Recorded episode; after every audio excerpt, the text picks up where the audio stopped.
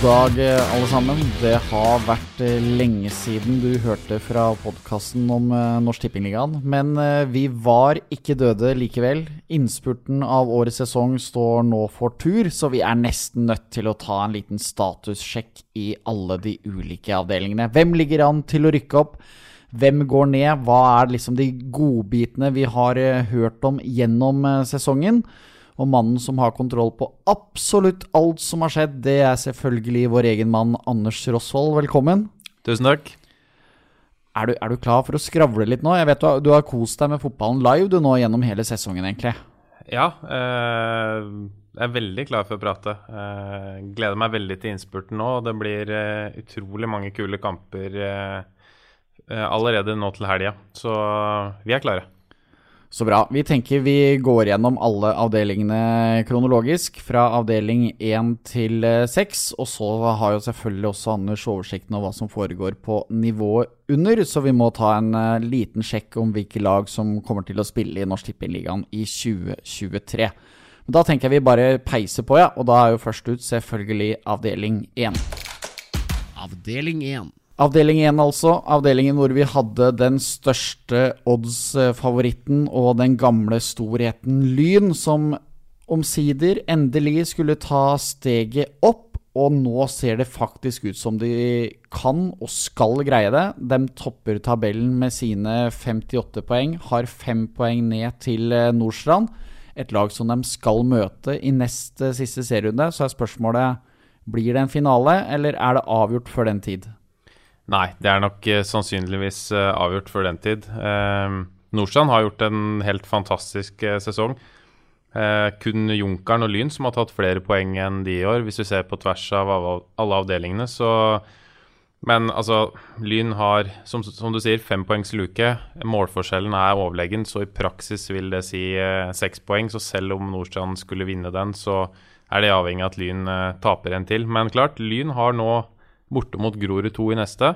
Det er den jeg anser som eh, mest sannsynlig at de taper poeng i. Og Grorud 2 har hatt en kanonsesong, er nummer tre. Så at Grorud 2 kommer da til en hjemmekamp der med senka skuldre og, og motivasjon for å klå Lyn litt, det ser jeg ikke bort ifra. Så litt skummel kamp for Lyn, men uh, åpenbart uh, store favoritter til å ta poeng der også. Vi, må jo si endelig rundt Lyn. De har jo virkelig trøkka til med satsingen sin. Det er store navn når vi snakker eh, nivå fire som har blitt henta inn her, så det skulle vel egentlig bare mangle at de går seirende ut av den avdelinga. Ja, eh, vi stengte jo på 1-10 på at de skulle vinne serien eh, før sesongstart. Var vel kanskje oppe på litt over to tidlig der i desember i fjor. Men med Jan Halvor Halvorsen ved roret og vi ser jo de signeringene de gjør i sommer. Mikkel Tveiten fra Skeid og Even Bydal fra Raufoss. Altså de henter to spillere fra Obos-ligaen, et lag eh, som allerede har eh, mange profiler. William selv som kaptein kom jo rett fra Eliteserien med Mjøndalen. Og så ikke minst da Ibba i sommer kom hjem etter flere år på eventyr i Kina og, og Japan. Og har jo allerede skåra noen viktige mål. Ble jo matchvinner mot Lokomotiv Oslo her eh, tidligere i vinter, så det blir opprykk eh, på Lyn i år, det tror jeg. Men uh, all honnør til Nordstrand, som har hatt en uh, fantastisk sesong og virkelig gjort sånn at Lyn må være på sitt ypperste da, for å klare det opprykket. Ja, Thomas Holm fikk virkelig fart på mannskapet sitt denne sesongen her, altså. Ja, de har vært egentlig helt strålende. Tapte jo to tidlige kamper der mot Lyn og Skeid 2, men etter det så har det stort sett vært plankekjøring for Nordstrand, som har tatt 53 poeng. Det var som jeg nevnte i stad, kun eh, Junkeren og Lyn som har tatt eh, flere poeng på tvers av avdelingene. Så nei, veldig imponert over det Nordstrand har fått til. Og de kommer jo åpenbart til å bli en kandidat neste år til et opprykk. Og Så er jo dette en eh, avdeling med Oslo-lag og innslag fra Bergen. Vi ser jo at eh, vi får vel si det har vært dominans i hovedstaden. da. De fem øverste plassene eh, hører alle til der, med Lyn, Nordstrand, Grorud 2, Lokomotiv Oslo og Skeid eh, sitt andre lag. Os er det øverste laget fra Vestlandet på sjetteplass. Eh, vi kan ta litt videre, men eh, du kan få svare meg på hvem er det som egentlig har skuffet deg mest i denne avdelingen? Eh, det må nok bli Oppsal. Et lag som eh, tradisjonelt sett har vært i toppen i tredjedivisjon og ikke for så lenge siden var oppe på nivå tre.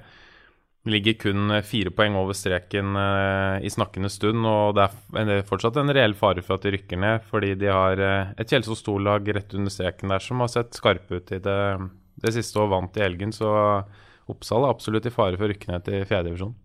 Men eh, for en som følger Oppsal på Twitter, sånn som meg, så mente jeg Det var jo riktignok et humorinnslag av en tweet når de skulle promotere kveldens kamp, eh, nei, eh, helgas kamp, men ble det ikke sagt der at de hadde ingenting å spille for, egentlig? Ja, så hvis de hadde vunnet, så hadde de ikke hatt all verdens å spille for resten av sesongen. Men sånn det ligger an nå, med fire poeng ned til nedrykk og fire kamper igjen, så er det langt ifra sikkert at det blir Norsk Tippingligaspill på trase opp i 2023.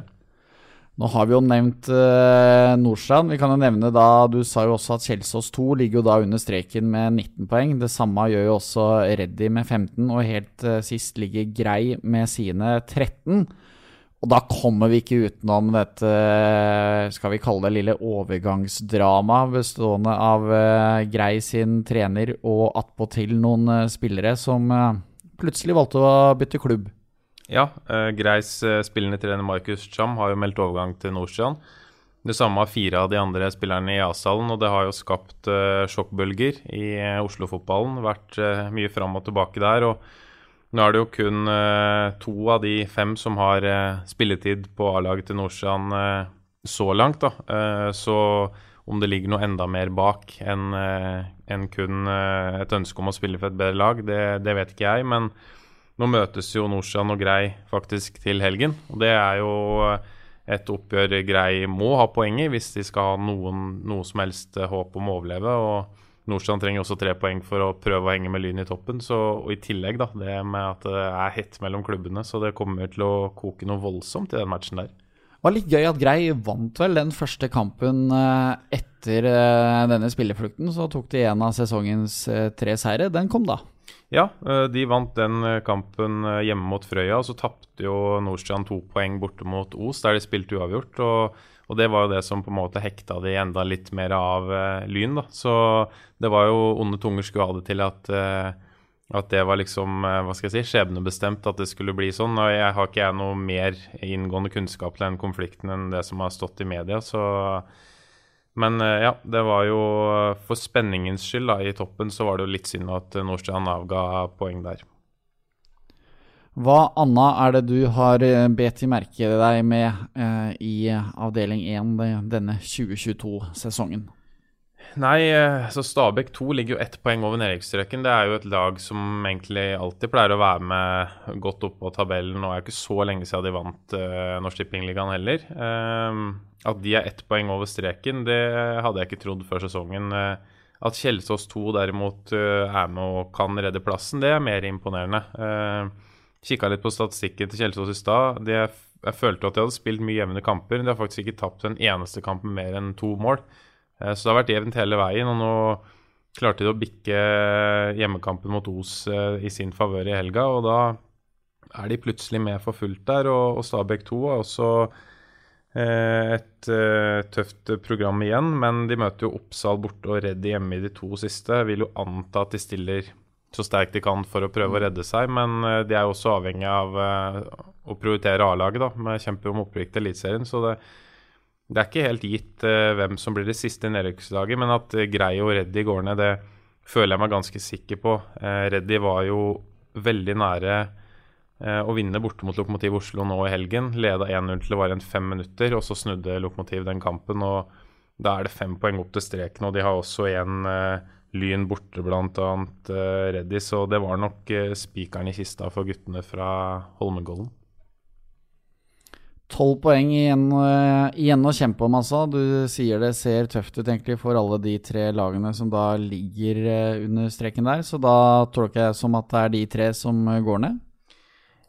Ja, altså jeg vil jo anta det, men uh, Kjelsås 2 vist litt muskler nå den siste tida. Har jo også hjemmekamp mot Frøya. Nå viste jo Frøya seg som et meget godt lag ved å holde nullen borte mot Oppsal og vinne den, da. og Kjelsås 2 har jo også et par tøffe kamper igjen borte mot uh, Fyllingsdalen og Lokomotiv Oslo, men de har jo også grei hjemme, da. Så at det blir flere poeng på Kjelsås, det er det ikke noe tvil om. Uh, og som jeg nevnte i stad, så tror jeg jo Stabæk mobiliserer litt, og da står du kanskje og faller litt på Oppsal, da. Hjemmekamp nå mot uh, Skeid 2 neste, og før de skal uh, bort mot Grei. Og de avslutter faktisk borte mot Lyn, da. Så at Oppsal bør få med seg noe i den neste hjemmekampen mot Skeid 2, det er, det er, det uten tvil Eller det er det ingen tvil om, da. Så jeg tror det lever hele veien inn i den avdelingen her, og det er jo artig at vi har spenning Eh, både i bunnen og i toppen. Så for spenningens del så får vi håpe at Norsian eh, henger på Lyn og kanskje vinner den eh, hjemmekampen mot Lyn. Og Så får vi spenning om avdelingsseieren hele veien inn også. Disse klubbene fra Vestland fylke da, som har plassert seg midt på tabellen, får vi si, med seks Os, sju Sandviken, åtte Fyllingsdalen og ni, ni Frøya. Eh, hva tar de med seg fra sesongen her? Ja, Os hadde jo egentlig en veldig god vårsesong. Eh, mista toppskårer Roger Ekeland til Stord i løpet av sommeren. Han tok jo med seg eh, familien og flytta, flytta sørover igjen. Og klart, de har dabbet litt av etter det, men de kommer jo ikke til å rykke opp, og de hadde jo ikke noen fare for å rykke ned, så det var litt sånn eh, Sånn sett er det Jeg er litt skuffa over Fyllingsdalen, som eh, er jo et hav av poeng bak toppen. Er jo ti poeng over nedrykk, så det er jo ikke noe å snakke om der. Men de har nok større ambisjoner enn det. og Sandviken sånn ca. midt på treet var vel det vi spådde før sesongen. Så de har hatt en ålreit sesong. Og så må vi også trekke fram Frøya, da, som er nyopprykka. Og har gjort det veldig bra, egentlig. Sju poengs klaring til nedrykksstreken med fire kamper igjen. Det er nok de kjempehappy med. Og, og vant jo også nå borte mot Oppsal uten toppskårer Simen Næss eh, med i troppen i den kampen. Så all honnør til Frøya. Eh, og så si et par ord om eh, om de Oslo-lagene som er med i toppsjiktet der, da, bak Tetuoen. Tetuon. Det er jo Grorud 2 og Skeid 2 som har hatt gode sesonger. Skeid var jo helt enorm i årssesongen, men dabba litt nå, dabba litt nå på høsten med Jeg kunne vunnet én av de åtte siste, men absolutt en veldig godkjent sesong av Skeid 2. Grorud 2 litt motsatt kurve, kommer med tre strake seire til da hjemmekampen mot Lyn, da, som vi prata om eh, neste gang. og og så har vi Lokomotiv Oslo, da, som er i ferd med å etablere seg i toppen og ble jo topp tre i, i, fjor. Og god mulighet for å bli topp tre i år igjen. Og veldig tydelig identitet på Lokomotiv Oslo. da, De spiller eh, tighte kamper, eh, er kjent for å være godt organisert og slipper inn få mål. Kun eh, Nordstrand og Lyn som har sluppet inn færre enn eh, Lokomotiv i år. Så det, det, er et lag du på en måte kan eh, regne med nå da, i toppen. og og kanskje de kan ta enda flere steg og snuse på enn en den øverste plasseringen neste år. Litt avhengig av hvem de havner i avdeling med. Så vi, når vi hadde denne poden før seriestart, så ble det vel egentlig nevnt at Fyllingsdalen var vel egentlig den eneste reelle utfordreren til Lyn. Sto jo til 7,50 odds, hvis notatene mine fra den gangen er riktig. Og så har du jo Grorud 2, som du har vært innom, som ligger på tredjeplass sto altså til 75 i odds. Det var altså bare Kjelsås som var eh, ranka lavere. Det er jo voldsomt, da. Ja, eh, nå ble jo på en måte skal jeg si Altså, det var såpass stor favoritt at om du sto til 7,5-75, så hadde det nesten ikke så mye å si. Men det var jo også vår rangering av lagene, så at vi bomma så det sang både på Fyllingsdalen og Grorud 2, det er det ikke noe tvil om. Og så hadde vi vel Norsa nå i, i toppkampen der, men eh, Sånn Hvis du ser styrkeforholdet, så skulle jo eh, vært mye lavere i odds og nærmere Lyn da enn en vi spådde de, så vi bomma litt med de andre enn en eh, Lyn i denne avdelingen her. Det gjorde vi. Så det er flere lag som har imponert, og så er det flere lag som har skuffa, og det er jo det er jo sånn det skal være. Skal umulig å treffe på alt på et sesongtips. Selvfølgelig. Har du noe mer du vil legge til om uh, avdeling 1, da? Nei, da føler jeg at vi har uh, kommet oss gjennom det viktigste i denne avdelinga her. Så kjenner jeg deg rett, så vil vel du holde på tida og hoppe videre, så. Helt riktig. Vi hopper videre til neste avdeling. Avdeling 2. I avdeling to er det spenning både i topp og bunn. De fleste lagene har fire kamper igjen å spille, mens uh, laget som topper har faktisk fem kamper igjen på programmet. I avdelingen så er det Ålesund 2 som topper med sine 51 poeng. Det er poenget foran Elverum, som har 50, og med én kamp mer spilt. Og før vi går på nedrykksrunden, så tror jeg vi bare holder oss i toppen, toppen, Anders. For her eh, er det et andrelag som nå ser mulighetene for å spille på stor, og som har begynt å mobilisere for opprykk. Ja, eh, Ålesund 2 virkelig mobilisert nå. Fikk jo utsatt eh, kampen sin mot eh, Florø sist helg fordi de har spillere på U-landslag. Det er jo de har jo flere, bl.a. Sten Grytebust på landslaget. Men han er jo ikke spilleberettiga for B-laget siden han starta sist kamp. Men Sebastian Berntsen og Henrik Molvær Melland spiller begge på G17-landslaget, så derfor ble den bortekampen mot Florø utsatt. Ja, og redaksjonen i denne podkasten vet jo også at uh, Ålesund 2 har forsøkt å flytte toppkampen mot Elverum, som er oppført neste lørdag i, eller på Elverum. Der har Ålesund 2 prøvd å flytte den kampen til mandag 10.10 i stedet. Men det har vært på NFF sitt bord, og det har landa på at kampen blir stående. Så den finalen der kommer til å bli spilt den lørdagen i Elverum.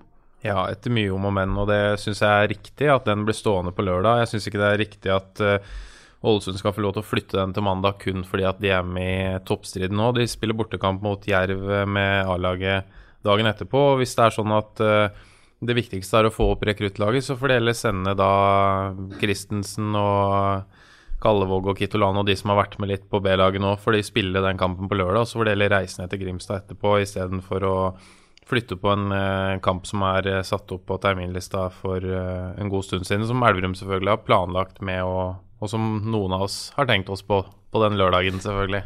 Ja, for det er vel ikke helt heldig. altså Kort fortalt så blir jo klubbene Det er jo et terminlistemøte før sesongstart her, hvor man blir enige. Og så kan jo disse andre lagene som må reise så langt, kan jo egentlig få velge om de vil spille på lørdag eller mandag da etter eh, A-laget. Og her har jo Ålesund 2 egentlig gått med på lørdag, men siden de er i opprykksstriden, så vil de heller spille mandag.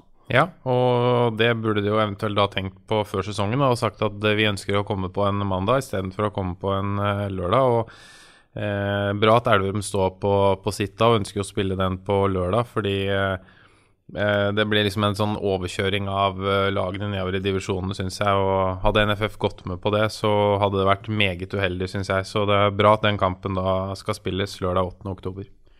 Og Da får vi altså nesten en ren uh, finale. Nå er det jo sånn at Ålesund 2 kan jo lede med fire poeng uh, før den kampen. Men uh, hva tenker vi om denne opprykksduellen Ålesund 2 versus Elverum? Nei, Det var litt synd uh, for spenningens del at uh, Elverum avga poeng borte mot Hødd 2 nå sist helg. For det er som du sier, at Ålesund 2 kan jo klare seg uten å, uten å ta poeng på Elverum, så kan de rykke opp. Men de har jo et tøft program. da. Florø borte er en tøff kamp. Florø har vært gode. Hønefoss hjemme til helga.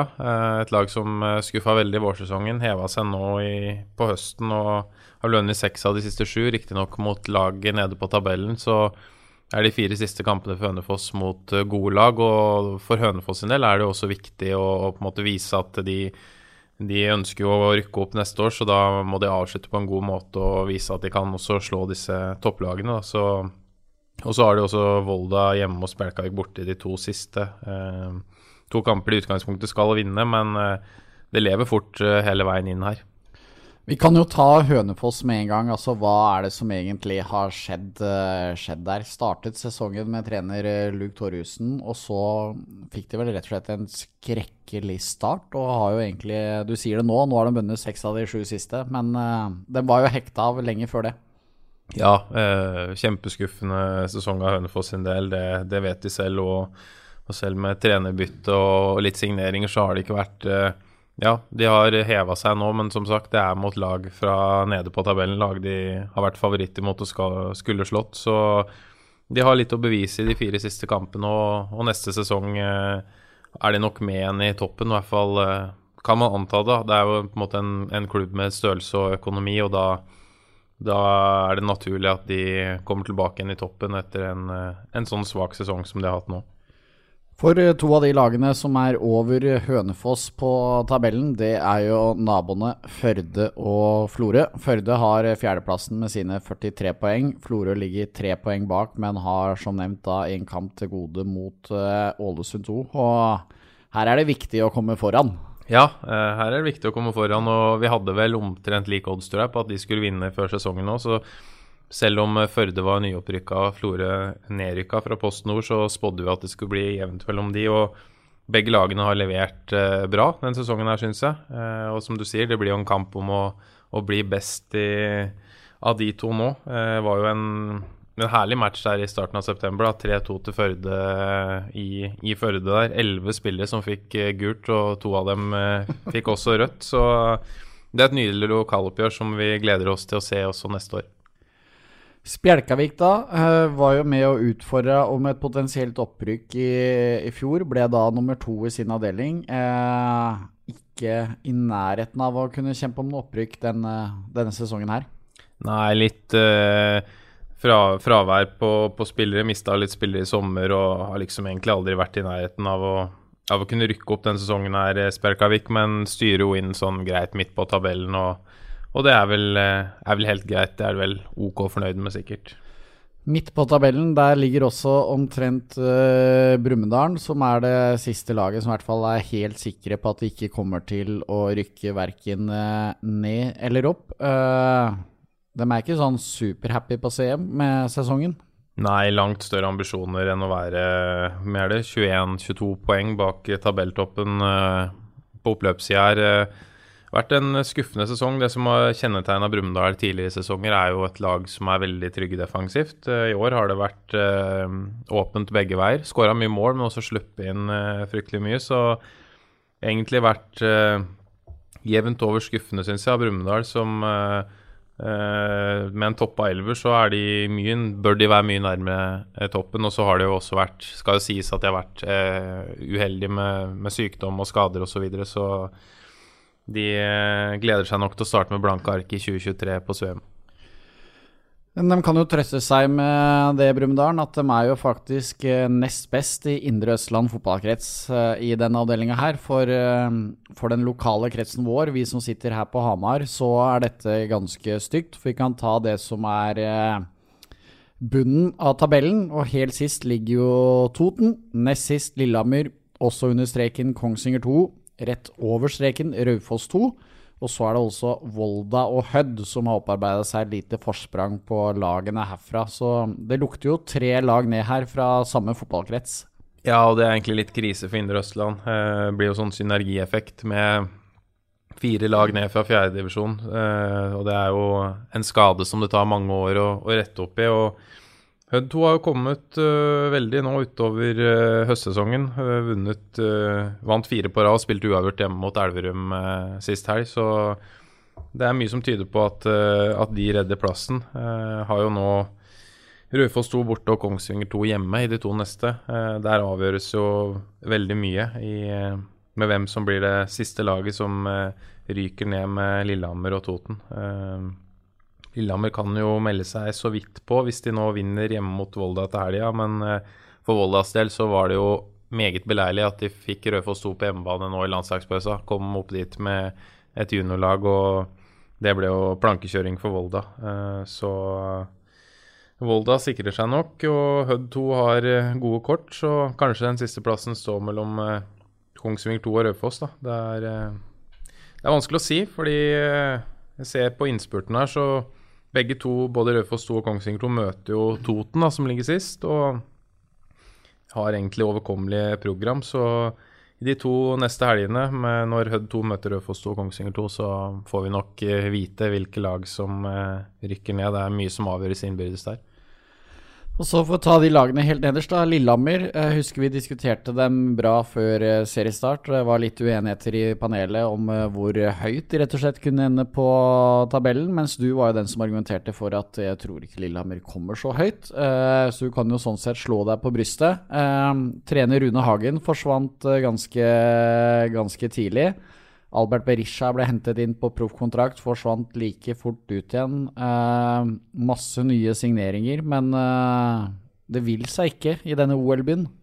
Nei, rotete er vel det ordet vi bruker på det Lillehammer driver med. Det er eh, bare masse biter som er satt sammen, og det blir ikke spesielt bra. og Det er en såpass stor by å kun ta 13 poeng på 22 kamper. Det er, eh, det er meget svakt, og nå blir det et nytt nedrykk på Lillehammer og en rekordtøff fjerdedivisjon neste år, så det er ikke noe automatikk i at vi får de opp igjen heller. Og, Og det er synd. Nå har de spilt på Fåberg sin hjemmebane i Jorøkstad mesteparten av sesongen, men fått oppgradert eh, Stampesletta litt nå og avslutter med de siste kampene her. Men eh, toget har nok eh, dessverre for Lillehammers del eh, gått. Eh, må nok vinne Tja De må nok vinne alle de fire siste hvis de skal ha et realistisk mål om å holde seg. Og for et lag som har tatt 13 poeng på de første 22, så er ikke det veldig sannsynlig. Det er det ikke. Og så Toten, da. Det ser ut til at det bare blir med halvannet år eh, i Norsk Tippingligaen. Eh, Riktignok har jo to av de tre seierne de har tatt, har jo kommet nå på de siste kampene. Men eh, man starta poengsankinga for seint. Ja, det har vært egentlig De har egentlig ikke vært i nærheten i det hele tatt. De har hatt enkeltkamper sånn som sist helg, da, de leda 2-1 bort mot Brumunddal til det var spilt 100 minutter, da utligna Brumunddal. Som meget surt for Toten, selv om på en måte det kun hadde vært av akademisk interesse. Så de har på en måte vært, uh, vært svake hele sesongen, og det sa vi jo før sesongen òg, at uh, du så litt på tampen av fjoråret at det, den pila her pekte nedover. og de har, uh, at, at, de fullfører på en bra måte, det syns jeg det står respekt av. fordi de har hatt noen fryktelige skreller. Røk vel bl.a. 9-0 borte mot Florø her rett etter ferien, og treneren trakk seg på bussen hjem. assistent Jenny Kolshaugen rykka opp da. og etter det så har de heva seg litt, syns jeg. Bl.a. slått Molde 2 hjemme. Så all honnør til Toten, som ikke har gått fullstendig opp i liminga og tapt tosifra i de siste ti kampene i sesongen. Men det ser stygt ut for begge der, altså. Så må vi tilbake til denne toppkampen, altså, som blir da lørdag Hva var det jeg sa? 10. oktober? 8. oktober. 8. oktober, ja. Ikke mandag 10. Er det, er det nok for Elverum hvis de vinner de fire neste? Altså de fire resterende kampene, holder det med tolv poeng for å rykke opp, eller gjør det ikke det? Altså Nå har Ålesund 2 signalisert at de vil opp med disse Må prøve å flytte kamper og stilt veldig, veldig sterkt eh, i høst. Og signerte Bjørn Martin Christensen fra Grorud eh, på, rett før overgangsvinduet stengte, og han har jo eh, stort sett spilt på Ålesund 2. Eh, så det er tydelig at de ønsker seg opp her, men eh, Florø borte er en tøff kamp, men klart de blir jo favoritter der, og de blir ganske store favoritter mot Hønefoss hjemme også, så jeg tror Ålesund 2 rykker opp. Uh, tror de fort kan få med seg et poeng borte mot Elverum også, men uh, Elverum har såpass utgangspunktet, da, enkeltprogram med Toten og Lillehammer hjemme samt Kongsvinger 2 borte, så det er Ålesund som har det klart tøffeste programmet, og da lever nok uh, hele veien inn det her. Så får vi håpe at uh, det ikke er avgjort før i siste runde. Det er jo kult når det går hele veien. Avdeling tre. Jeg har jo notert meg hva oddsen var eh, på ulike lagene her for å rykke opp før eh, seriestart. Og vi kan jo se hvor mange lag jeg kan nevne før vi kommer til en faktisk reell opprykkskandidat, Anders. Og vi begynner med da den største favoritten. Vidar nei. Viking 2 nei. Fana nei. Sola nei. Djerv 1919 nei. Lysekloster nei. Brodd kanskje. Bjarg nei. Stord nei. Åkra nei. Haugesund 2 nei. Brann 2 ja! Der fant vi serielederen vet du, med tredd høyest odds, for her er det altså Brann 2 som topper ett poeng foran eh, Brodd. Ikke lett å spå den avdelingen. Nei, vi meldte vel før, uh, før, sesongen at det kom til å bli vanskelig å vinne en avdeling her. En veldig mange gode lag. Men at Brann 2 skulle lede med fire runder uh, igjen, det hadde vi ikke sett for oss. Jeg var jo litt streng med Fana her når jeg sa nei. De er jo tross alt bare tre poeng bak. Uh, men er det håp for dem? eller blir det Brann 2 eller Brodd som går opp? Hvis du skal se på gjenværende program, så er det Brann 2 som har det letteste programmet, og Fana som har det klart uh, tøffeste. Så, så, sånn sett så eh, er det jo Brann 2 som ligger an til å ta det her, med poenget klarning til Brodd og bedre målforskjell. Men uh, de reiste jo nå til Karmøy med Kasper Skånes, Ole Didrik Blomberg og Bård Finne i landslagspausa, og klarte kun 2-2 mot uh, Åkra, som ligger på nedrykk. Så det er ikke sikkert at det går veien for Brann. De hadde en kjempeluke, men den er spist nesten helt opp nå, så Brodd har eh, gode muligheter, de. Brodd har eh, gode muligheter, og vi må jo begynne med snakkisen rundt eh, Brodd fra, fra helga. Det var jo ikke gledelig å se, men Brodd-spiller Markus Laursen, som altså fikk seg en lårhøne, det han trodde var en lårhøne. Havna på sjukehus, og for dere som har sett, uh, sett bildet, måtte rett og slett skjære opp låret, altså. Fordi låret ble så hovent. Det tredobla seg i størrelse. Det er noe av det mer ekle jeg har sett, altså. Ja, det var rett inn på muskelen der. Det var ikke noe vakkert skinn, nei. Nei, det går hardt for seg i tredjedivisjon. Uh, men uh, Brodd der, altså. Nå igjen ett poeng bak Brann 2. Men de hadde en nøkkelkamp mot Lysekloster her for et par runder siden. Da, da gikk det ikke veien på Midtjord. Nei, røk hele 1-6 der, og da trodde nok de fleste at det var kjørt. Men som nevnt, Brann 2 klarte ikke å slå nedrykksplasserte Åkra, og Brodd tok en meget sterk seier borte mot bergenslaget Bjarg. Og da er det plutselig kamp igjen. Vi kan jo snakke om det som egentlig var din største favoritt før seriestart her. Altså Vidar, som sto til 3,50. Uh, har ikke fått det til. Nei, gjorde mange gode signeringer før sesongen, Vidar. Men varierte voldsomt. Har jo bl.a. slått Brann 2 borte, da, så de, det er jo et lag som har noe i seg. Men nå sist òg leda to ganger borte mot Sola, men endte opp med å tape den kampen, og de er nok litt mentalt ferdig med årets sesong, eh, Vidar, og ser inn mot neste år. Lysekloster de har vel forsøkt å mobilisere litt for å klatre litt her, men Inne har fortsatt bare fjerdeplass. Ja, og selv om det kun er fem poeng opp, så skal det veldig mye til at de passerer tre lag på tampen. Kanskje ett, kanskje to, men tre lag blir vanskelig. og de har gjort en eh, bra sesong, men også de har, eh, i likhet med Vidar, hatt noen eh, kamper de har kassa vekk litt poeng i. Tok jo bl.a. bare ett poeng på en i månedsskiftet august-september der, som gjorde at de spilte seg litt ut av opprykksstriden. og de har for så vidt et overkommelig program ut sesongen, Lyskloster, men som sagt, å passere tre lag med så få kamper igjen, det tror jeg ikke de får til. Vi tar litt i midtsiktet her òg, før vi beveger oss ned mot uh, nedrykksstriden. Uh, vi har jo også Jerv 1919 blant annet, i tillegg til Viking 2 og Sandnes Ulf 2. Men uh, Memic er på plass igjen. Ja, Maid Memic tilbake i Haugesund. Er jo vært på Voss et par, år, par år nå, der han er fra. Men uh, kona er fra Haugesund, og de ble enige om å flytte tilbake, så da signerte han for uh, Djerv 1919 fra 1.9., og det er jo en uh, spiller som har pøst inn mål på nivå under. Han har vel uh, nesten like, eller dobbelt så mange mål som kamper i fjerdedivisjon for Voss, som for øvrig leder sin avdeling nå. Men kommer vi tilbake til siden. Men en veldig fin mann for Jev 1919 å, få inn, og de har jo i praksis redda plassen nå med sju poeng ned til streken, og, og kan se inn mot neste sesong. Så har vi eh, nedrykksstriden, da. Eh, Haugesund 2 ligger helt sist med sine 17 poeng. Åkra har 18. Sola under streken med 21.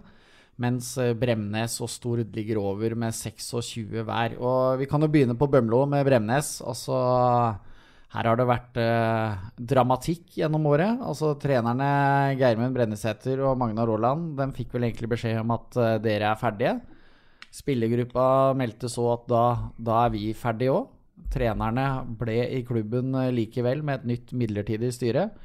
Noen brasilianske spillere som mista passet og ble forvist. Uh, ja, litt kaos. Blant annet Joakim Våge Nilsen er kommet tilbake.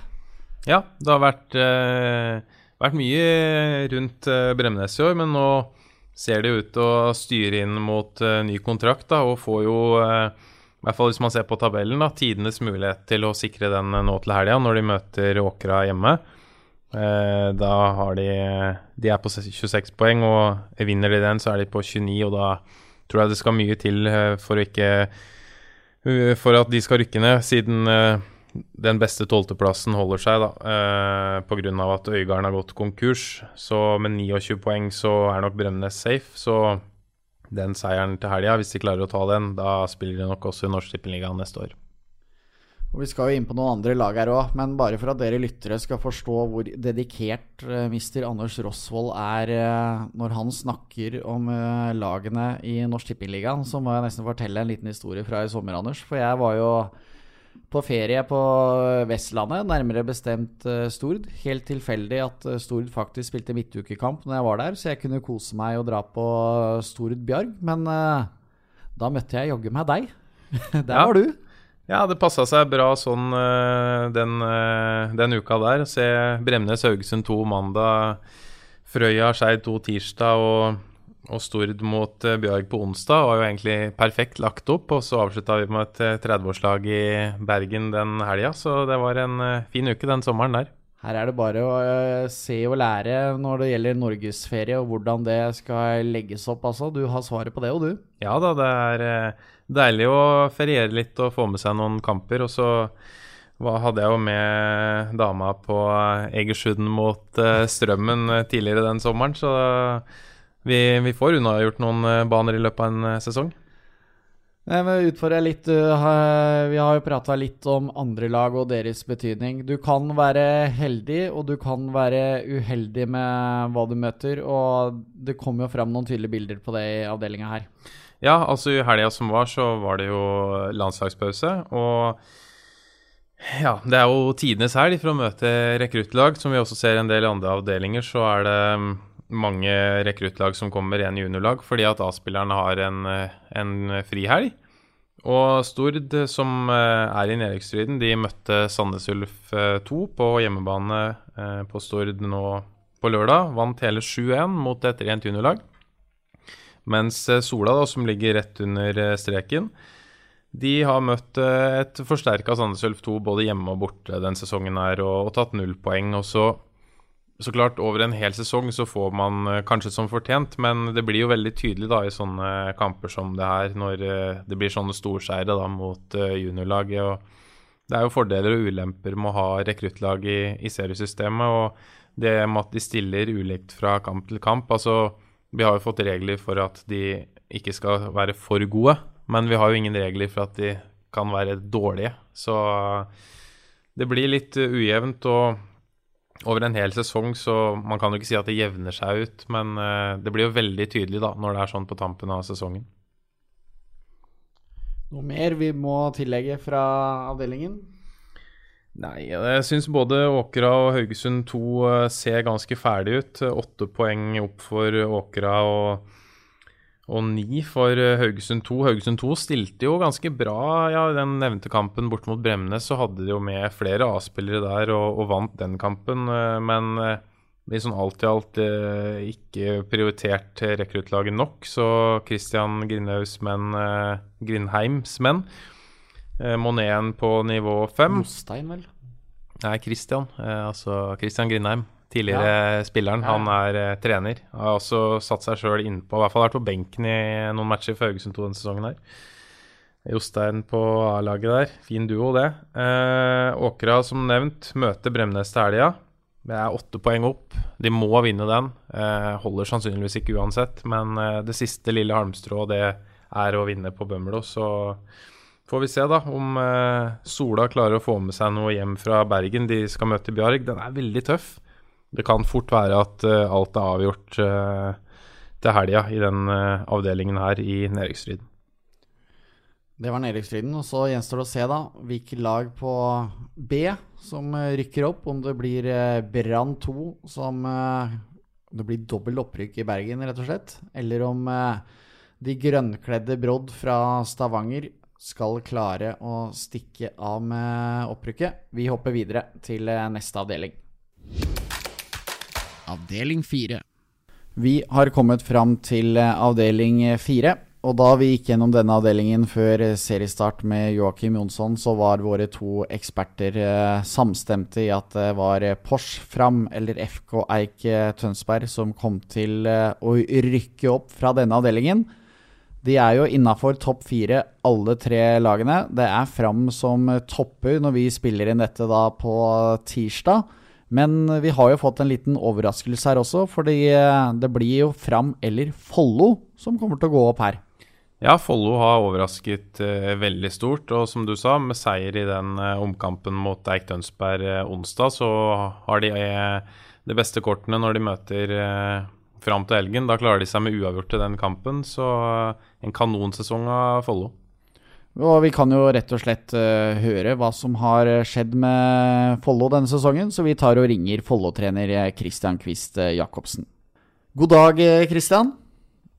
God dag, god dag. Jeg nevnte her uh, før vi ringte deg opp at uh, her var jo opprykket og spådd mellom uh, Fram, Pors og FK Eik Tønsberg. Det var en av de tre klubbene som kom til å rykke opp, var på en måte dommen fra ekspertene. Men her har dere virkelig blanda dere inn. Hva, hva, er det som har skjedd denne sesongen? Nei, har en god stall spillere, da. Som ja, jobber bra sammen og har i løpet av sesongen syns jeg har gjort seg fortjent til å være der de er. Hadde du sjøl trua på at dere kunne være der dere er nå, når dere starta denne sesongen? da? Ja, eh, jeg hadde det. Eh, hvis man skulle se litt i forhold til fjoråret, da, f.eks., så lå vi jo da på den andre delen av tabellen. Men det er jo mye tall bak der da, som ikke kanskje folk veit, som gjorde at ikke var, eller var på den andre halvdelen istedenfor øvre halvdelen. Så vi visste jo litt at de kvalitetene hadde vi i laget i år òg, og i tillegg fått til noe som hadde noen andre type kvaliteter da, som vi har fått eh, godt brukt for i år. Så jeg hadde veldig troa før sesongen at vi ville slå godt fra oss. Jeg har lest i Østlandets Blad at uh, du har prata om at dere tar én kamp av gangen, men hvordan ser du på innspurten nå? Det, dere har, jo, har det jo i egne hender foreløpig? Ja, man jeg har jo egentlig aldri og Jeg, jeg vet jo at veldig mange sier det, men jeg har aldri sett på tabellen for så vidt. Så det eneste resultatene jeg får vite av de andre, er egentlig når jeg, før jeg møter de, eh, for da går jeg jo gjennom resultatene deres. Men så det har jo vært én kamp om gangen som har vært tankegangen. Jeg har ikke egentlig tenkt så veldig mye lenger. Uh, og jeg tenkte at vinner vi hver fotballkamp, så får vi som fortjent. Hvis du vinner alle kampene, så har det egentlig bare vært vært det som er nå, som er FK Eik i morgen. da, så, Som har vært enefokuset der. syns jeg spillergruppa har vært veldig flinke på. Det er veldig spennende å være der vi er. da, så Det er veldig gøy. Veldig moro å være på den delen av uh, sesongen også og få kamper igjen. Og har alt i egne hender. Ja, Follo har jo hatt en veldig innholdsrik uh, historie. Tenk på, hva, hva, tenker du liksom om, om framtida for, uh, for, klubben? Det har jo vært mye negativt med konkurser og sånt de, de siste sesongene. Hva, hva, tenker du om fremtiden for klubben? Ja, altså, jeg husker i 2019 når vi skulle møte Lyn, så skal jeg se etter tidligere kamper. Og Da så jeg at Lyn og Follo møtte hverandre tidligere da i Obos-ligaen i 2010. Eller ja, Dekko-ligaen. Ja. Jeg er ganske trygg på at du spurt eller sagt de på tribunen der at de to lagene vil møte hverandre i norsk tipping eller tredjedivisjon i 2019. Så tror jeg ikke mange hadde egentlig trodd på det. Eh, det har, men det er jo økonomi styrer, da, så det er det som er vår største utfordring. Det er jo at det, eh, grunnen til at mest mange kanskje ikke tror eller mener at vi bør være der vi er, eller i forkantsesongen, handler jo litt om mye vi legger i det. Vi mener vi legger selvfølgelig mye i det, men ressursene våre er mye mer knapp kontra alle de ressursene til de vi konkurrerer mot. Da. Så jeg mener jo en klubb som Follow det området som er, og, og som eh, bør ha et lag som er høyere opp enn Norsk Tipping. Stort nedslagsfelt, mange spillere, mange gode fotballspillere. Og av stallen i år, da, som er 27 spillere, så er 22 fra Follo. Så over 17 av de kommer fra egne gutte- og juniorlag. Så det er veldig mye lokalt, da. Men eh, den uka dere er inne i nå, kjenner du at det kribler litt mer, eller? Altså, det har jo vært en omdiskutert og en kamp som nå skal spilles på nytt, og så denne toppkampen da, da til helga. Merker du at det er litt, eh, en litt spesiell uke dere er inne i? Ja, man, uh, gjør det. Samtidig jeg har så egentlig veldig stor tiltro til den troppen jeg har, så jeg føler meg egentlig veldig rolig. Uh, ja, jeg har gjort egentlig forkant hver eneste kamp. Jeg jeg syns gutta virker så solide. og så betyr ikke at man selvfølgelig vinner av den grunn, men alt Jeg syns det er, eh, moro å være egentlig der vi er og, og, konkurrere om, enn at jeg ser det som noe tingene eller noe nervøsitet rundt det. da. Ja, men Det høres uh, fornuftig ut, Kristian. Dere får ha lykke til i de kommende kampene. Jo, takk for det. Det var eh, Follo-trener Christian Quist Jacobsens eh, betraktninger. Skal han rykke opp, så blir jo det på bekostning av Fram, da, som rykket ned fra Post Nord på dramatisk vis i fjor, på målforskjell på overtid, eh, var det vel. Hvordan vurderer du de to lagene opp mot hverandre nå på lørdag?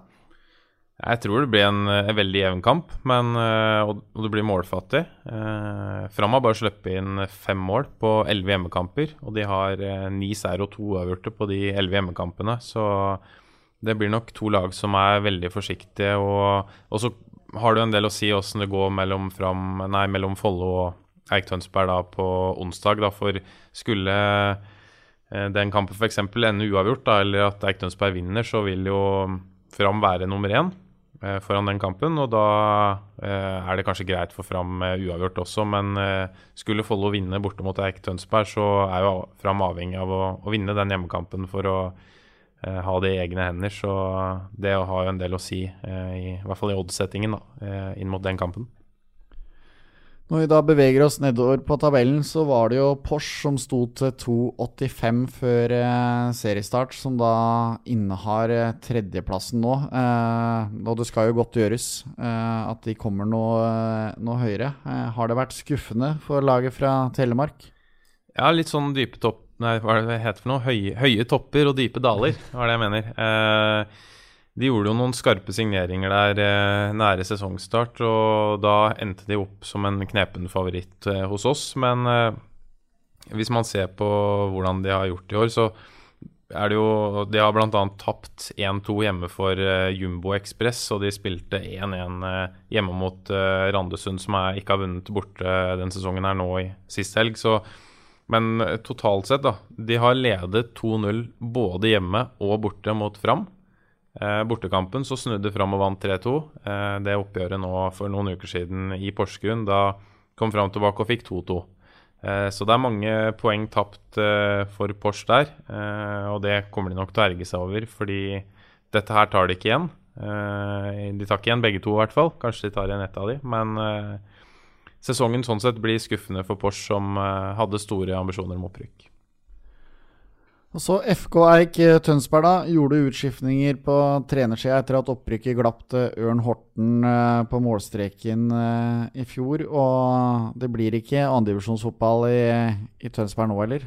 Nei, det har egentlig vært på etterskudd hele sesongen. Tapte to av de tre første mot Porsche og Randesund. Og da de har liksom aldri henta seg ordentlig inn igjen. Så syns jeg de har vært tidvis bra i høst. Eh, Henta jo Julius Myrbakk tilbake fra hovedstaden og Lyn, og han har uh, gått rett inn og skåra bra med mål. Så en uh, god sesong neste år for Eik Tønsberg, det bør være mulig. Men årets sesong er nok litt skuffende, for de hadde nok forventa å være enda, nærmere teten da når vi er på vei inn i de, den avsluttende måneden. Fredrikstad 2 og Sarpsborg 2 er eh, to av lagene som følger eh, bak der. Men vi har også et annet lag fra Østfold. Det er vel kanskje ikke noe overraskelse, men de er jo nyopprykka, da. Eh, Sprint Jeløy, som virkelig satte sammen et lag som skulle rykke ned i fjor. Og de, har, de viser virkelig at nivået i Norsk Tippingligaen, det har de inne. Ja, eh, vi hadde dem vel på Kikka litt i notatene her. Hadde dem vel på en fjerde-femteplass før sesongen, så må nesten si at de har skuffa. Nei da, men uh, de har De hadde en del stang ut i starten av sesongen. Spilte mye kamper der de var gode, men ikke klarte å avgjøre. Det var veldig mye uavgjorte kamper. Men klarte å bikke flere av de i sin favør utover høsten. Og et meget konkurransedyktig lag, Sprint Jeløy, så Eh, det er jo en jevn avdeling. Eh, de har bare i hermetegn ni poeng ned til nedrykk, men eh, har sikra seg vel så det. Og en kjempefin første sesong etter at de rykka ned for noen år siden for laget fra øya utafor Moss. Så må vi jo ta nedrykksstriden her, da. Her er det mange lag involvert. Det blir spennende for flere av dem. Vi har jo, for å begynne nederst, da. Ekspress ligger nederst, nederst med 13 poeng. Vi regner vel dem som ferdig, da det er tolv poeng igjen å spille om. Ja, eh, er ferdig for denne gang. Eh, fryktelig start på sesongen. Heva seg litt utover og gjorde noen signeringer i sommer, men alt i alt blir det for tynt. og Som jeg nevnte i stad, de vant jo borte mot eh, Porsche, en av de tre seierne de har tatt i år. og spilt en del jevne kamper, men ikke klart å bikke det i sin favør. Og nå som de har såpass mange poeng opp til streken, så blir det umulig for Ekspress å, å holde seg. Og da blir det nedrykk etter å ha vært oppe to år. Nå var de oppe ett år forrige gang, så ser vi de kanskje igjen i 2024. Så er det Uredd på plassen over der med sine 15 poeng. Eh, litt samme der òg. Det skal virkelig en great escape til der for at de spiller på det nivået neste år. Ja, det går ikke. De eh, har vært egentlig ligget der og vært sånn i nærheten hele veien. Og hatt relativt eh, kort vei opp til streken, men uh, nå de siste ukene som det har blitt noen tap, så har den streken kommet lenger og lenger unna, og da blir det nedrykk tilbake i fjerdedivisjon Telemark for Uredd. Og så har vi da bataljen rundt om å ikke havne på den siste nedrykksplassen. Vi kan ta alle lagene som er involvert. Under streken ligger altså Mandalskameratene med 23 poeng. Rett over Vindbjart med 24. Og så har vi over der på 25. Der er det tre lag. Halsen, Randesund og Start 2. Så det er altså fire lag kommer til å berge plassen. Ett lag skal ned. Og det er jo noen store klubbnavn her òg som er i fare for å falle ned på kretsnivå. Et av de skal i utgangspunktet ned, men som jeg sikkert kommer til å nevne noen ganger i løpet av den poden her, så trakk jo Øygarden eh, laget sitt og gikk konkurs eh, før i år. Det vil si at det best, eh, beste tolvteplasserte laget, det holder plassen. Eh, og Mandalskameratene er under streken nå med 23 poeng i snakkende stund, men de har eh, gode muligheter for at eh, den avdelingen her blir det laget som eh, holder seg på tolvteplass. Men uansett ta hva vi tenker om uh, hvilke lag som er i egentlig størst fare for å havne under streken, selv om du kan berge plassen nå. Ja, ja. Uh, vi kan jo begynne med Mandalskameratene. Uh, det så ut som de skulle styre mot en ny plass i divisjonen. Mista jo Pedi Dovland. var det Jokke kalte han før sesongen? lille trollgubben. Mista han til Fløy 1.8, og siden den gang så har jo pilene bare pekt nedover. Så kan han også ta med at toppskårer eh, Simon Waland skada seg i bortekampen mot eh, Follo og mista de tre første kampene i september. Han var da tilbake igjen nå i, eh, helgen mot Sarpsborg 082, og da vant de 3-1. Men før det hadde de faktisk sju strake tap. Så det har vært full krise i Mandalskameratene. Uh, og de har en uh, tøff bortekamp mot Fredrikstad 2 nå, og avslutter også med, med Porsche hjemme. Så det blir kanskje de to siste, da, med Vindbjart borte og Ekspress hjemme, som de skal gjøre det. Men uh, kan det jo hende det holder med 26 poeng òg, for å redde seg på den, den siste tolvteplassen der. Bare fortsett du, Anders. Ja, da hopper vi videre til laget som ligger rett over streken, Vindbjart. skuffende sesong for de, men møter nå uredd hjemme på Moseidmoen til helga. Uh, det bør jo gi tre poeng, i hvert fall sannsynlighetsmessig, da. de må faktisk vinne den. og som nevnt her, så har de jo Mandalskameratene hjemme om to og en halv uke. hvis de vinner de to, da ender de i hvert fall på 30, og det holder til ny kontrakt. kanskje det går greit med 28 òg, så Vindbjart har foreløpig gode kort på hånda. Så er det disse tre lagene som alle ligger på 25 poeng. To av dem skal vel møtes i helga på Sukkervann. Det er jo Randesund som får besøk av, eh, av Halsen. Eh, du prater jo litt sånn her at vinneren der er jo allerede egentlig sikra, som da tar seg opp til 28 poeng. Ja, eh, det er det. Og hvis vi tar Halsen først, da, som er bak Randesund på målforskjell nå, har jo åtte mål mer i minus. De hadde en veldig god årssesong. Eh, men har stoppa helt eh, fullstendig opp. Tapte 2-7 hjemme for et uh, purungt Fredrikstad 2-lag nå sist, og kun vunnet én av de siste ni. Og i tillegg at de har den svake målforskjellen, det teller jo egentlig som et uh, poeng når vi er på oppløp, uh, oppløpssiden her. Mista solide unggutten Andreas Albertsen tilbake til Sandefjord. Han var jo på lån, sto i mål for halsen. Ingen fullgod erstatter for han, og som du nevner nå, nøkkelkamp borte mot Randesund til helga.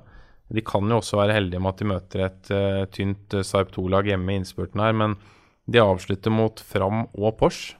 Uh, så jeg syns det spøker litt for halsen, men de har jo lagd en tradisjon til å redde seg i siste serierunde der, så hvis det er et Porsche som ikke har noe å spille for, og halsen har alt å spille for, så kan det vel hende de får mana ut en trepoenger der, men jeg syns det spøker for halsen, altså. Og Start 2 de kommer til å gjøre det som trengs for å berge seg. Ja, det er litt sånn typisk. Nå har de stilt eh, bra i noen kamper på rad nå og tar de poengene de trenger. Så sånn sett er det mer eh, Randesund vi skal prate om. Et lag som eh, så ut til å være det som skulle følge Ekspress og Uredd næ. Eh, ned? Uredd ned. Eh, men uh, vunnet fire strake hjemmekamper, faktisk, og ikke tapt på Sukkervann siden starten av juni. Eh, og de kom jo med masse selvtillit der de har den kampen mot halsen. Det er jo to lag med motsatte formkurver, det der. Spilte 1-1 borte mot uh, Porsche sist helg, så vinner de den til helga, da er uh, mye gjort pga. målforskjellen der. Så er jo Halsen avhengig av å ta poeng i to av de tre siste da, for å passere de. Så det er en nøkkelkamp. En, uh, klokka to er du i Kristiansand på lørdag, så skal du være der klokka to. Det er det ikke noe tvil om. Avdeling eh, fire, altså. Nøkkelkamper og spenning både i topp og bunn uh, kommende helg òg. Fram Follo, altså. Lørdag 1400 i Framparken. Vinneren rykker opp. Tør vi si det? Ja, det kan vi si. Da sier vi det. Da blir det jo siste ord. Avdeling 5. Trønderavdelinga med innslag fra lenger nord i landet har jo rett og slett et lag som virkelig har skilt seg ut. Og allerede til helgen kan de potensielt feire et eh, opprykk, og det er eh, Junkeren fra Bodø, Anders. Ja, 20 seire, to uavgjorte og null tap. Vi er eh, stumme av beundring, vi. Vi er det, så vi må jo rett og slett ta en prat med Junkeren. Så vi tar og ringer Junkeren-trener Joakim Kildahl. God dag, Joakim. God dag, god dag. Er det slik at dere nå har kjøpt inn og gjort klart for opprykksfest til helga, eller har dere bare champagnen på, kjø på kjøling? Den er vel, eh, den er vel fortsatt ennå bare på, eh, på, kjøling. Så, eh, men vi får se. Det kan jo hende at uh, daglig leder finner ut at han skal gjøre klart litt til helga. Jeg håper jo det, da. Det blir jo en fin anledning hvis det, hvis det går veien. Ja, Du må jo ta oss litt gjennom uh, hvordan uh, har denne sesongen vært for dere? Det ser jo ut som det er en uh, evig parademarsj. Ja, det har jo sett sånn ut. Og det er jo litt sikkert den følelsen vi, vi sitter med i, i klubben. Spillerne har vel også en liten sånn følelse av at dette har jo gått, gått helt fantastisk hele året. og ja, vi, vi, vi, hadde vel ikke trodd at vi skulle være der når vi, når vi starta opp her i februar-mars etter en litt nedstengt periode og tøffe, tøffe vinterforhold i, i Bodø for utendørs. Så, eh, så, vi var litt usikre, men vi fikk jo kjapt en bekreftelse gjennom noen treningskamper at det så, så bra ut. Og så kom vi godt i gang uten å sånn, imponere voldsomt i de første kampene. Men så var det egentlig bare bygd på seg, og da, da ble det jo kjempeartig etter hvert. Før sesongen så sa du til meg Joakim, at du trodde at dere kom til å ta mange poeng hjemme i Nordlandshallen, og at Trøndelaga kom til å ødelegge litt for hverandre. Det er vel sjelden at en spådom har uh, truffet bedre. Det har jo vunnet alt hjemme. Men det jeg har bitt meg merke i, er jo at uh, tradisjonelt sett så har dere jo alltid scora mye mål, men også sluppet inn en del, tett på to i snitt. Men i år så har dere fortsatt å pøse inn mål, men kun sluppet inn 21 mål på 22 kamper. og Da lurer jeg på hvordan har dere klart å bli så gode defensivt uten at det har gått utover det offensive? Eh, det henger litt, eh, litt, sammen. fordi at uh, Tidligere har man gjerne enten hatt et fokus på at man skal slippe inn litt mindre mål og ligge litt lavere, og så har det også da gått utover det offensive litt. Eller motsatt, at man pøser på. Jeg tror jo 4-3 og 3-2 og 5-2 og 1-5 i sekken og litt sånne ting har jo mer vært junkeren tidligere. Mens at i år så har vi jo litt sånne 1-0-seirer og og litt sånne ting. Og det, det går eh, på to ting. For det første så går det på en gjeng som, som jobber helt enormt hardt. Altså det, det løpes og det kriges og det er Og så har vi fått inn noen midtstoppere og noen forsvarsspillere som er, er gode. Eh, og en keeper bakerst som eh, har vært en enorm forsterkning for oss. Så det, det, liksom, det har hengt mye sammen. Men det, først og fremst så er det det at vi som lag har har tatt noen, noen, store steg på dette, altså det å jobbe samla begge veier, rett og slett. Ja, og så nevnte jo det med å spille inn i Nordlandshallen nå. I, i helga så møtte dere jo Bodø 2 på egen hjemmebane i Rønvika. Da. Hvorfor eh, valgte dere å flytte den dit? Ja, det, det, var ikke et valg, det var en, en tvungen situasjon. for Det var ei boligmesse i, i Nordlandshallen som er en gang i året. og Da stenger hele hallen i, i, ei, eh, i ei uke. og Så var det litt i når terminlista blir satt, så bruker vi å gi innspill på dette. Men eh, grunnet den koronasituasjonen og usikkerheten, så var ikke datoen for boligmessa satt. Og da traff det på, på hjemmekamphelg, og da, da, ble det sånn. Så, eh, men det var jo på tide egentlig at vi klarte å fjerne det spøkelset der. Vi har ikke vunnet en kamp i Stordalen, en seriekamp siden september 2016. Så det var liksom det var, på tide. Nå skal det sies, Vi har ikke spilt så veldig mange kamper der. Vi har spilt noen cupkamper og litt sånn her. Men eh, men det var, det, var, det var, long overdue, som de sier i, i, England, at vi fikk en, en seier på hjemmebane. Men apropos eh, Stordalen kunstgress, når er det vi kan forvente å se deg tilbake fast på egen hjemmebane? Jeg håper jo jo kjappere, jo bedre. Det jo, eh, vi så det jo i helga, det er jo noe eget. Vi hadde 450 tilskuere, og det var, det var helt eh, fantastisk. Eh, men Banen står nå høyt oppe på lista over de banene som skal rehabiliteres. Men så er det jo en utfordring, for den er jo bare 100 ganger 60 meter. og Kravene for å få disse midlene er jo at banen egentlig skal være 105 ganger 68. Men det får vi neppe til der, men han må minst være 105 ganger 64. Så det er en større jobb som må gjøres. Så vi har et håp eh, om at vi eh, potensielt fra da sesongstart 2024 kan kan få lov til å være tilbake i, i Stordalen. Men litt tilbake til årets sesong. altså Når vi snakker om opprykkshest til helga, så er jo det fordi dere får jo da besøk av uh, Byåsen. Uh, de har jo plukka 52 poeng. De hadde jo kjempa om opprykk i alle andre avdelinger enn uh, avdeling 5, og dere står med imponerende 62, Joakim. Det er egentlig to gode lag som møtes her. Ja, det er det. Vi, vi så jo i, i, sist, uh, i sist kamp uh, vi møtte dem da vi, tatt, da vi vant 1-0 på, på Dalgård. der de Skårte vel en to-tre minutter før slutt. At det, Byåsen er et, uh, et, bra lag. og Vi ser jo den rekka de har etter det tapet mot Nardo i, i første kampen i, høst. så altså, har de jo har de vært kjempesolide. Sluppet inn lite mål, skåra ganske mye. Så Byåsen er et bra mange gode spillere. og Det er jo et relativt rutinert lag. Så, um, så uh, jeg tror også at Byåsen hadde hengt med godt i, i uh, alle de andre avdelingene. Poengene viser det sånn sett, men også kvalitetsmessig så tror jeg Byåsen hadde vært et topplag i, i veldig mange avdelinger. Ja, det her er jo din niende sesong eh, som trener i Junkeren. Du var jo tidligere ute i trenerkarrieren i klubben med ambisjoner om å spille på et høyere nivå med, med laget. Hva, hva, har det å si for deg personlig at uh, nå ligger an til et uh, historisk opprykk? Jo, det er jo veldig gøy. Altså, det er jo dette man har jobba mot. Og så klart endra jo forutsetningene seg litt i, i 2016, når, vi, uh, når den serieomlegginga kom. Det året hadde vi nok uh, Hadde det stått om at vi måtte ha vunnet, så hadde vi nok vunnet serien det året. For vi leda vel på et tidspunkt med åtte poeng før vi begynte å gjøre en del endringer i, i uh, spillet og, og måten vi vi gjorde ting på mot slutten av sesongen. Kasta jo bort seriemesterskapet i siste runde, så det, det tror jeg vi hadde tatt. Men, eh, men det gjorde jo at vi, vi, ikke fikk på en måte den muligheten så tidlig. Eh, og så har det tatt tid. Det har tatt tid i, i den perioden 2017 til 2019. Det var en ny opplevelse for oss å, å spille og, mot sånne lag. Og så kom jo selvfølgelig koronaen og fjoråret. og og det, det, betyr mye det betyr mye for klubben, og så betyr det enormt mye for de, de spillerne som, som nå er der. For det er, et, det er en gruppe som, som, har ambisjoner, det er en gruppe som jobber veldig godt. Eh, så det har rett og slett vært en, en fantastisk sesong. og Går på trening med smil. og det, ja, det, det, det, er utrolig artig. Det var eh, Joakim Kildahl i eh, Junkeren, det. Da tror jeg vi beveger oss litt bort fra toppstriden, eh, Anders. Vi kan jo se litt på de øvrige lagene. Og bak nevnte Junkeren og Byåsen så er det jo Nardo og Strindheim som er på de nærmeste plassene, og Kolstad for så vidt. Ja, sånn oddsmessig før sesongen så hadde jo vi det ganske jevnt. Vi hadde Junkeren som favoritt, sammen med Nardo til 4,75.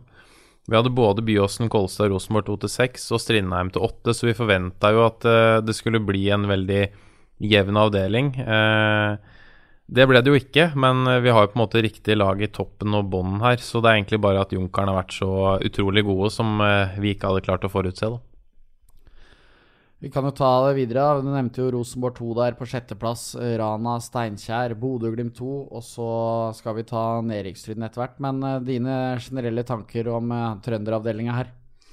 Nei, den eh, Altså, man har jo forventa at Junkeren skal på en måte gå på et tap eh, etter hvert, men de har bare vært eh, bunnsolide hele veien, så på en måte i toppen har det Det var tidlig ikke noe særlig spenning. Det var på en måte i, i bånn det var spenning her, og en del lag som uh, fortjener litt skryt, f.eks. Steinkjer, som vi dro fram før sesongen på tabelltipsa. de så ikke ut, og de har eh, imponert veldig. og Eh, trøbla litt nå i høst, men den eh, 1-0-seieren borte mot Kolstad sist helg gjorde at de har redda plassen. Så honnør til eh, Steinkjer, som så svake ut før sesongen. Og så har vi nedrykksstriden, da. Vi kan ta det nedenifra opp. Altså Helt sist ligger Trygg Lade med 16 poeng. Eh, på plassene foran Innstranda med 17, Melhus også 17. Rett over streka Orkla med sine 19, og så har jo da Tiller 21. Og dette er med fire kamper igjen, så det er mange som lever litt farlig her. Det er mange som lever farlig. Eh, Trygg Lade lever jo aller farligst. Det ligger sist med 16 der. Eh, Veldig spesiell kamp nå på lørdag mot eh, Rosenborg 2. Rosenborg 2 fikk tre mann utvist. Allikevel klarte ikke Trygg Lade å skåre. De to første røde kortene kom jo etter, rett etter pause og i det 55. spilleminutt, så de spilte jo med tilleggstid spilte de vel kanskje 40 minutter da, mot ni mann. Og de siste ti minuttene mot eh, åtte mann uten å klare å skåre. Og på slutten hadde de noen helt ville sjanser, men Rosenborgs keeper sto helt strålende, så man får liksom ikke følelsen av at de skal redde plassen når de ikke engang klarer å ta poeng i en sånn kamp. Nei, og de andre her, da. Det er eh, Orkla får altså besøk av eh, Innstranda nå til helga. En eh, nøkkelkamp. Ja, det er eh, veldig mange av de lagene her som møter hverandre innbyrdes nå i Altså Orkla har jo både Innstranda, Melhus, så en kamp mot Rosenborg 2 før de avslutter mot Trygg Lade. Eh, så det er eh, masse kamper som eh, er- der alt står på spill, og begge lag har, er involvert i nedrykksstriden her, så det blir veldig mye kule kamper.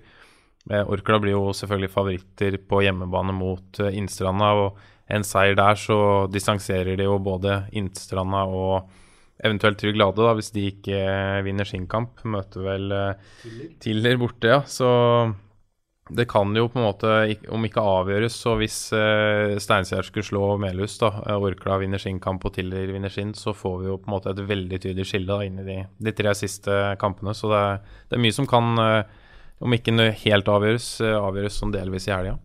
Altså Orkla på 19 poeng over streka. Hva, hva tror vi grensa blir her, sånn poengmessig? Hvor mange poeng må man ha for å berge seg?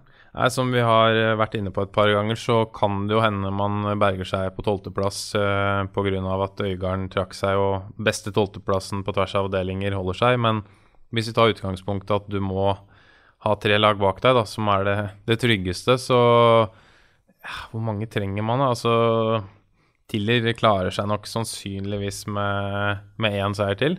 Eh, 24 poeng, altså. ja, for de har jo den, eh, de har jo den luka på fire poeng, da.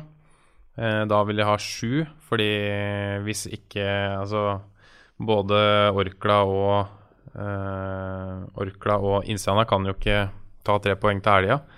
Eh, men ja, nei, det er vanskelig å si, altså. Men eh, siden de møter hverandre såpass mange, så kan det hende de tar litt poeng av hverandre. Så kan hende vi får en veldig lav sum for å holde seg her, da. Jeg ser jo sånn som f.eks. Innstranda da, hadde jo også en, en blytung kamp nå i helga mot Tiller. Eh, de hadde tapt ni av de siste ti foran den eh, kampen, eh, og den kampen de måtte ha med seg noe i. Leda 2-1 til det var spilt 87 og slapp inn, og da hadde de også to mann utvist. Så det var liksom sånn de Det holdt nesten helt inn, da. Jeg syns det ser vanskelig ut for dem å holde seg. Jeg tror de må ha minst seks poeng, men sannsynligvis sju til ni, siden flere av de møter hverandre i bånn. Så som sagt, jeg tror veldig mye avgjøres til helga. Jeg tenkte jeg må nesten finne ut hvor mange røde kort ja, det har vært i den avdelinga her. Her står det at det har vært eh, 21 røde kort eh, så langt. Vi må ta og sammenligne det med en annen avdeling, da. 21 røde kort, og halvparten av dem kom forrige serierunde. ja, den runda vinner i hvert fall. Det er vi ikke i tvil om. Skal vi bare ta en rask titt her, da. Om 21 kort, er det noe spesielt? Nei ja, det er flere i avdeling 1, faktisk. Så de har virkelig tatt et jafs siste helga. Tatt et jafs, ja. Nei, Så det blir spennende å se i helga nå. Eh, det er som eh, Melhus er jo et lag vi ikke har, eh, har nevnt, da. Men Jeg syns egentlig de har sett litt sånn død og begrava ut hele sesongen. Men som Christian Gauseth ofte sier i Fotballkveld, så er det tre poeng som gjelder hvis man vil stå i divisjonen. Vi kan vel si det samme om Melhus. Har tapt veldig mange kamper denne sesongen her, men de har på de seks siste hjemmekampene så har de vunnet tre av dem. Og hadde de vært uavgjorte, så hadde de vært ferdig. Men de klarer å bikke de inn til tre poeng, og kun to poeng opp til Orkla nå. Og de møtes om halvannen uke på på hjemmebanen til Melhus er Stoltbanen, så sjelden har vel en sekspoengskamp vært mer betegnende. Så, og de har jo også Steinkjer borte til helga som er litt uh, ferdigspilte. Så de har det fortsatt i egne hender, Melhus. Og det er en prestasjon etter uh, starten på sesongen, for de så veldig ferdig ut midtveis. Nedrykksstriden lever trolig helt inn, mens eh, kampen og opprykket kan være ferdig allerede til helga. Da hopper vi videre til den siste avdelingen avdeling 6. I avdeling 6 er det nå Strømsgodset 2 som er eh, serieleder med fire runder før slutt. De er eh, A-poeng med Gjelleråsen, og vi må jo begynne med det ferskeste. Fordi eh, fredag kveld så smalt det en fotballbombe. Kanskje ikke en bombe at det ble tap, men vi, når vi ser på sifrene, altså serieleder Gjelleråsen, som de var da, tapte 2-10 hjemme mot Tromsø 2. 2-10. Ja, det, det, var jo en bombe at det ble tap, for de sto vel til 1,25 eller noe sånt i markedet. Men ja, nei, hvordan det er mulig å slippe inn ti mål i en fotballkamp, og i hvert fall når det er serielederen mot et lag midt på tabellen, altså nei. Uh, det kan ikke forklares, rett og slett.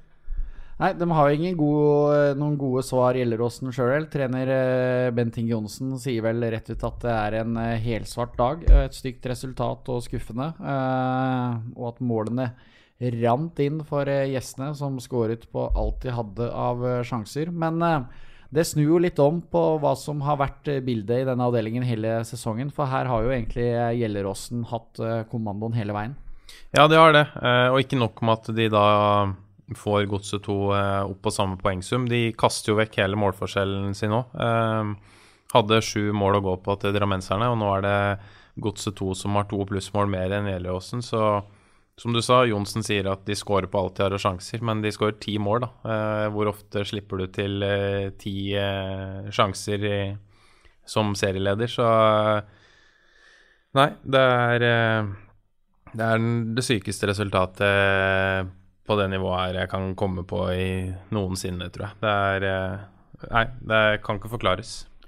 Gjelleråsen eh, håper jo å slå tilbake når de eh, skal på Rollsrud og møte Lørenskog til helga. Men det er jo noen godbiter igjen her òg. fordi i siste serierunde Anders, så vet jeg at du har ringa rundt en kamp her. Ja, det er jo faktisk Gjelleråsen mot Strømsgodset 2 på lik kunstgress. Eh, altså Gjelleråsens hjemmebane. Men som du sa, Gjelleråsen skal til Rolfsrud og møte Lørenskog til helga. Den blir eh, kjempetøff. Og det er også en eh, bortekamp på gresset mot eh, Fuvo. Så det er ikke sikkert det er på, på skuddhold når vi teller siste serien der. Det blir spennende å se. Det er også lagene som kjemper opprykk. Vi har Fløya, er fem poeng bak. Regner vi dem som hektet av? Ja, eh, når de kun klarte 1-1 hjemme mot Skeive siste uke, så de kunne jo satt litt press med, med seier der, vært eh, tre poeng bak. Men de har svakere målforskjell enn begge de to Tet-lagene nå, så absolutt alt skulle klaffa for at uh, Fløya skulle snutt de for opprykket. Men mer enn godkjent sesong av Fløya, syns jeg. Det var veldig mye spørsmålstegn fra oss før den sesongstarten der. Og de har levert egentlig jevnt over veldig bra. Vært gode hjemme på Fløya Arena i Tromsø. Så med å bygge videre på det fundamentet de har nå, så er de absolutt en opprykkskandidat neste sesong. Når vi går videre nedover tabellen her, så har vi Lørenskog på fjerdeplass og Mjølner på femte. Eh, to lag som begge sto til fem i odds før sesongen. Det samme som eh, Gjelleråsen for øvrig. Eh, så sånn sett skuffende at de ikke er med og kjemper om noe opprykk. Ja, vi slet jo litt med å peile ut det skikkelige tetlaget i den avdelinga her. Følte det var jevnt mellom flere. Eh, Syns Mjølner har vært fryktelig variable. Veldig gode på sitt beste, og, men noen helt uh, forferdelige nedturer. Og Lørenskog har vært sånn helt OK med hele veien. Uh, så Mjølner er 18 poeng bak uh, Tetoen, så det var total skivebom med oss. Men uh, de har jo vist at de har det inne, bl.a. ved å spille jevnt med Godset 2 i helga. Nå er det jo Godset 2 som kjørte kampen, men det endte kun 1-0 til Godset 2. Og så var det jo en fryktelig oppladning for Mjølner, da, som kom nesten rett til avspark pga. at flyet var utsatt. Og de måtte bare starte med en gang fordi de skulle rekke flyet opp igjen til Narvik. Og så slo de også Gjelleråsen borte, da. Det må vi ikke glemme tidligere i sesongen. Så potensialet er der i Mjølner, og de kommer nok til å satse neste sesong også. Vi bare fortsetter tabellen nedover, for da har vi Fuvo på sjetteplass og Skjetten på sjuende. De ligger begge på 31 poeng, og det ble faktisk 5-4 når de møttes i helga. Eh, favør, eh, favør Skjetten. Eh, Fuvo hadde, sto vel til 100 i odds før eh, sesongstart, men eh, Jonny Hansen har fått dreisen på Fuvo, som så vidt berget seg i fjor. Ja, hvis jeg ikke husker helt feil, så hadde vel jeg Fuvo på nedrykk. Jokke hadde det litt opp på tabellen, så der er det jeg som skal strekke vernet i i vernet seg, strekke hendene i været og si eh, grattis til Fuo. De syns jeg har vært gode denne sesongen. her. Jeg var veldig usikker på hvordan livet skulle bli etter Kim Brenna for den klubben, men eh, de har gjort eh, tipset til skamme. Mats Rismoen han har virkelig tatt opp hansken. Skal ha 16 mål i år, og hjemme på gresset på, på gressbanen sin så har de kun tapt eh, to kamper denne sesongen her. og og de har også slått Fløya borte, for å nevne noe. Så mm, en veldig god sesong av Fuvo. Skjetten er også nyopprykka da, som, uh, før den sesongen her. Uh, de også hadde vi litt mer troa på, og de har vel gjort det omtrent som jeg forventa, sånn midt på tabellen. Uh, vært gode enkeltkamper og ja, god sesong av begge to. Det kan de være bekjent av. Så er det tre andre lag, eh, i tillegg til Godset 2, som også berger plassen med god margin, ser det ut som. Tromsø 2, Lillestrøm 2 og Mjøndalen 2. Og så har vi nedrykksstriden. Der er det ett lag som virkelig har skaffet seg et forsprang. Vi kan ta nederst først. Senja 14 poeng, Bossekopp 17, Harstad 17. Det er de tre lagene under streken. Og så har Skjervøy 23. Ja, uh, Senja er nok ferdig. Ni poeng opp, fire kamper igjen og tre lag må passeres. Det går ikke. Uh, de så blytunge ut i starten av sesongen. Uh, har jo nå dobbelt nedrykk. På, det er på vei mot et dobbelt nedrykk. var jo i posten vår så sent som i fjor. De gjorde noen signeringer i sommer og, og heva seg på starten av høstsesongen, men det blir nok et nytt nedrykk. og Finnsnes rykka ned i fjor og rykker ikke opp igjen, så det vil jo si at uh, i 2023 så spilles det allnorsk fotball uten lag fra Senja og Finnsnes. Altså ingen lag fra Midtroms da, uh, på de fire øverste nivåene, og det må være år og dag siden. og Det syns jeg er synd, men uh, kanskje et av dem kommer tilbake i 2024. Og så Bossekopp og Harstad, da. Det er, vet i hvert fall at sistnevnte er meget fornøyd ved å ligge der de ligger. Nei, eh, det er litt sånn betegnende. I fjor så var jo eh, Skånland nivået over Harstad, og neste år så blir det kanskje Skånland eller eh, Landsås som er nivået over Harstad. Det er jo eh, altså byens store klubb som eh, sliter voldsomt. Eh, det er en veldig stor by, så det er jo ikke det er jo ikke sånn det skal være, at Heal skal være nede på nivå 5, men det ser ut til å bli sånn i nok en gang. Veldig nære ved å slå eh, solid Lørenskog i helga. Da leda de 2-1 til eh, det var igjen fem minutter. Da ble keeper Sulimanovic utvist eh, for sitt andre gule. Lagde straffespark. Skulle opp og fange et uh, innspill der. Og istedenfor å løfte kneet, som keeper alltid gjør, så løfta han altså hele beinet. da, Sånn stempla Lørenskog-spilleren i låret. Straffespark og, og, rødt kort, og da mista de to poeng. og ja, med to ekstrapoeng der så kunne det kanskje gått, men uh, nå ser det veldig vanskelig ut, altså med seks poeng opp til Skjervøy og fire kamper igjen. Da er det Bossekopp vi ikke har vært innom, som uh, spilte 2-2 mot uh, Mjøndalen 2 i helga. Hadde vel 2-0 å gå på, og så der skjedde ting mot slutten? Ja, Bull er jo fra Alta, Finnmark. Vært de lagene som har rykka opp fra fjerdedivisjon Finnmark, har gått ned igjen på første forsøk. og Bull har hengt bra med, men uh, det blir litt for tynt. Uh, Tidenes sjanse i helga mot uh, et purungt Mjøndalen 2-lag var landslagspause, så de hadde jo ikke med noen fra A-troppen. Og som du sier, Bull leda 2-0 men til pause, men ga det vekk i andre omgang der. Slapp inn på overtid. Og i tillegg så pådro, pådro de seg hele fem karantener da, til Godset Away neste kamp. Og Godset 2 på, på Marienlyst med fem karantener, det, det kan jo bli fryktelig stygt for Bossekopp. Så som som vi prata om, det er seks poeng opp, men eh, det er jo i realiteten sju da med tanke på målforskjellen. Og jeg tror de taper ganske klart på Marienlyst, og da skal det veldig mye til. Da må de vinne de tre siste, pluss at eh, Skjervøy ikke kan ta mer enn eh, et par poeng til. og da Det ser vanskelig ut. Det ser, ser ut som alt er avgjort i den avdelingen her i bånn. Og så kan vi jo ta et par ord om Skjervøy til slutt, da.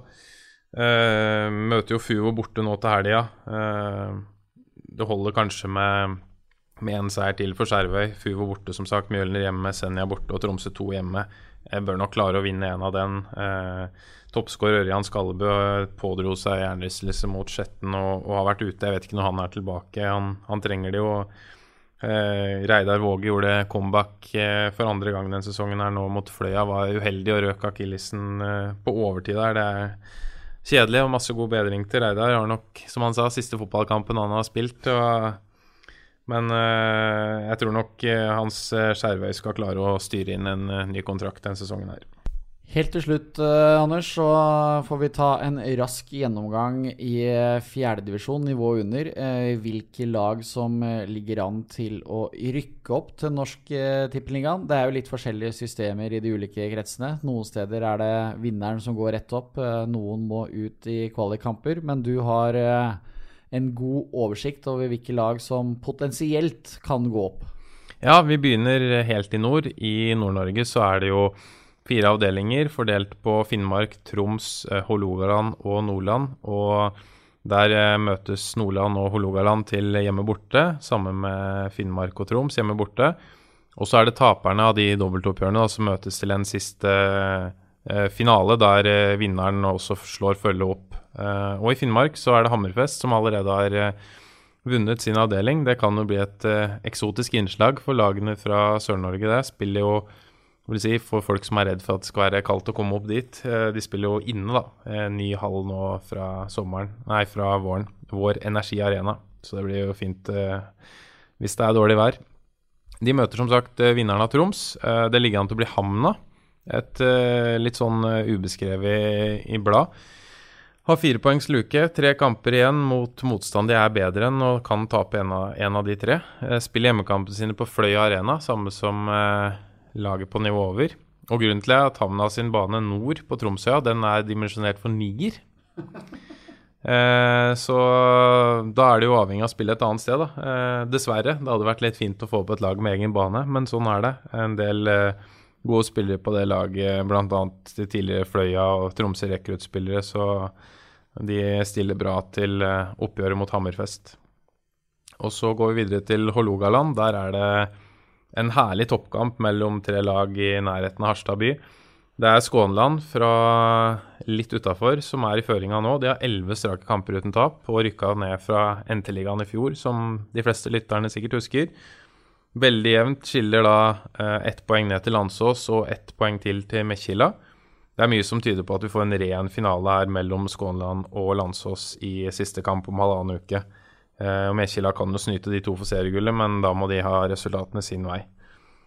Eh, og så har vi litt lenger sør, i uh, Nordland. Der er det Mosjøen som i praksis har vunnet. Har en luke på tre poeng og 14 mål til Fauske Sprint. De har igjen to kamper. Fauske har kun igjen én. Ergo må Mosjøen tape begge to. Fauske Sprint må vinne sin og i tillegg ta igjen 14 mål. Det skjer ikke. Litt trivia. Markus og Martinus spiller på eh, Mosjøen. De har du hørt om, Lars? Helt elektrisk, det, da. Ja, det er punchline. Så hopper vi videre til Trøndelag. Der er det Verdal og NTNUI som kjemper om opprykk. Eh, begge er tidligere Norsk Tippingligalag. Møtes faktisk eh, til helga i Verdalen. Og Verdal har to poengs luke med en kamp mindre spilt allerede. Så med en seier til helga så er det i praksis Verdal klare for opprykk. Og det er også i førersetet selv med tap, så det er mye som tyder på at det blir lokaloppgjør mellom Steinkjer og Verdal igjen neste år. I den andre avdelinga så er det et lag som heter Trønderlyn, som er i ferd med å ta et uh, sensasjonelt opprykk. Har du hørt om de, Lars? Jeg har så vidt lest om det. Det er noen eksotiske innslag og sånn, har jeg skjønt. Ja, altså, de er nyopprykka før denne sesongen her. Uh, og er vel andre gangen de er på, i fjerdedivisjon på den sida her av 2000-tallet. Uh, et brødrepar som pøser inn mål der. Men De så ut til å være en helt klin kvinner, men eh, er i ferd med å smelte helt nå, altså. 0-6-tap hjemme for andreplasserte Ranheim 2 for halvannen uke siden. Og så fulgte de opp med å tape 1-2 borte for Orkla 2 i helga. Så nå har de luka på åtte poeng krympa ned til to. Eh, så de har nok ikke mulighet på noe særlig flere poengtap eh, hvis de vil opp. Men ellers så er det Ranheim 2 som eh, rykka ned i fjor, som eh, fort rykker opp igjen. Og Trønderlyn holder da til eh, rett sør for Melhus, så vi kan jo få et eh, herlig lokaloppgjør der da, neste år.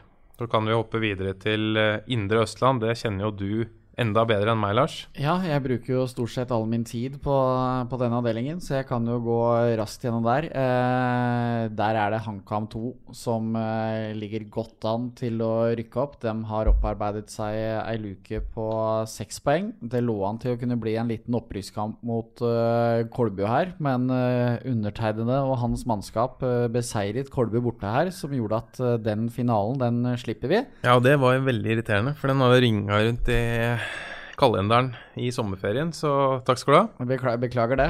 Eh, og hvis folk lurer på om HamKam 2 mobiliserer for opprykk, så kan jeg jo nevne at både Markus Pedersen og Alexander Melgavi skårte da de slo Brumunddal 2 eh, i går kveld. Så her gjør de det de kan på Briskeby for å endelig klare et opprykk. Og her er det jo sånn at uh, eh, i Indre Østland er slått sammen til én avdeling, så vinneren går eh, direkte opp. Og det er ikke jeg, jeg er sånn superglad i å få opp en haug med rekruttlag, men for oss som bor i området her, så er det jo litt ok at HamKam 2 også rykker opp, da, så kanskje vi får noen kule mandagskamper her mot noen eh, gode seniorlag fra andre steder i landet. Så får vi ønske deg, Ottestad, lykke til med å ta opprykket neste år. Jo, takk for det. Da hopper vi videre til Akershus. Der er det Skedsmo som har opparbeida seg en luke på hele åtte poeng, og det er tre kamper igjen. Og det vil jo si at eh, på lørdag så regner jeg med at det er stappfullt på Skedsmokorset. Da er det tre poeng som gjelder mot Rælingen. Da blir det opprykksfest. Eh, Skedsmo har jo vært oppe på det nivået her tidligere, og et lag vi ønsker velkommen tilbake. Så er vi inne i Oslo. Eh, I den ene avdelinga er det faktisk Ullern 2 som ser ut til å rykke opp, og det er jo Det er ikke sensasjonelt, selvfølgelig, fordi de har jo en del av spillerne som sitter på benken i Post Nord-ligaen som eh, spiller på rekruttlaget, og klart, eh, da blir det jo kanskje litt eh, nivåforskjell mot fjerdedivisjonslag, men i fjor var jo Ullern 1 på nivået her, så sånn er det. Eh, men i den andre avdelingen så er det mer spenning. Der er det FC Oslo, eller Gamle Oslo, som eh, det heter i NFFs registre, som ligger tre poeng og ti mål foran KFM2. Så selv om eh, de skulle tape kampen eh, innbyrdes, de møtes tirsdag 4.10, er det bare å ta seg en tur på Bjølsen for de som er i Oslo. Eh, Så er det FC Oslo da, som er i førersetet, og det er jo laget til Adam Kvarasei som er trener der. Og flere kjente spillere, profiltunge navn på laget, bl.a. Mohammed Keita er jo med og spiller på FC Oslo, så kan få et kult innslag i Norsk Shippingliga neste år. Så går vi over på de eh, lagene i nærheten av Oslofjorden der det er eh, kvalik. Det er da Vestfold mot Østfold, og så har vi Telemark mot Buskerud. Eh, I Vestfold så er det Sandefjord 2 som så ut til å vinne med klar margin, men har spilt to uavgjorte nå i september. Og det gjør at Flint kun er ett poeng bak, men de fire siste kampene har Sandefjord 2 motstand mot nedre halvdel på tabellen, så det bør jo gå for dem. Eh, hvem som kan spille den kvalikkampen for SF2, det er jo alltid et sånn eh, spørsmålstegn. Eh, Du må ha spilt en tredjedel, er det ikke? det? ja, du må ha spilt en tredjedel. Og så trodde jeg at det gjaldt en tredjedel over hele sesongen, så satt og finregna litt på det her, og da ble det jo ikke mange spillere. Men så er det en tredjedel av den tiden du har vært spilleberettiget for klubben. Så hvis du da, sånn som de henta Wally Njay fra Flint nå i høst Han har jo da vært eh, spilleberettiga for klubben siden 1.9., eller noe i den duren. Og det vil si at eh, de fire rekruttkampene han har spilt, det gjør at han allerede er klar for kvalikspill. Så, men så er det jo som i fjor, da. Da hadde Sandefjord mange skader, og så spilte de mange av de som skulle spille i kvalikkampen, borte mot Molde i serien. Og da kan jo ikke være med neste B-kamp. Så her blir det litt sånn touch and go. Eh, Vetle Egeli og Sivert Gussiås er klare, og så Lars Markmannerud, kanskje Fredrik Flo, men igjen, det spørs jo hvordan det ligger an med A-laget. Så det får vi svar på utover høsten. Eh, de møter nok sannsynligvis Råde. Seks poengs luke og bedre målforskjell enn Kråkerøy. Det er jo et lag som har en haug av spillere som har spilt på høyt nivå tidligere. Simen Kinn Michaelsen henta fra Lillestrøm foran denne sesongen her. Da, da, vet du at det er en klubb som eh, har ambisjoner, for å si det sånn. Han er toppskårer foran eh, Michael Nives, som kom fra Fredrikstad før sesongen. Så det er eh, De har nok av rutine, det laget her. Så får vi se da hvem som eh, tar det i kvalik. Sandefjord 2 har jo gjort det til en vane å vinne serien og tape i kvalik nå, så eh, Rådet er nok eh, favoritter over to kamper der, men jevnt og tett blir det nok. I Telemark så står det mellom Stathelle og Hei. De møtes innbyrdes. Det er Stathelle som har to poeng å gå på der, så Hei må vinne den. vinneren av den avdelingen møter Åskollen, som har eh, opparbeida seg en luke på Ni poeng med fire kamper igjen i eh, Buskerud. Møter eh, byrival eh, Drammens BK denne uka her, så da kan de faktisk avgjøre det fullstendig. Men uansett, det roter de ikke vekk. Det er et lag som kommer til å bli store favoritter i den kvaliken. Har masse rutiner fra Post Nord-spill, mange av spillerne, og i tillegg så har de også Kinni Greval, som spilte eliteserie med Mjøndalen, så Laget som spiller sine hjemmekamper Det er korrupsjon, bror. Ja, laget som spiller sine hjemmekamper på Glassverket kunstgress uh, sør i byen, de uh, blir favoritter i den opprykkskvaliken der. Ja, hvor skal vi videre da? Agder blir vel neste stoppested.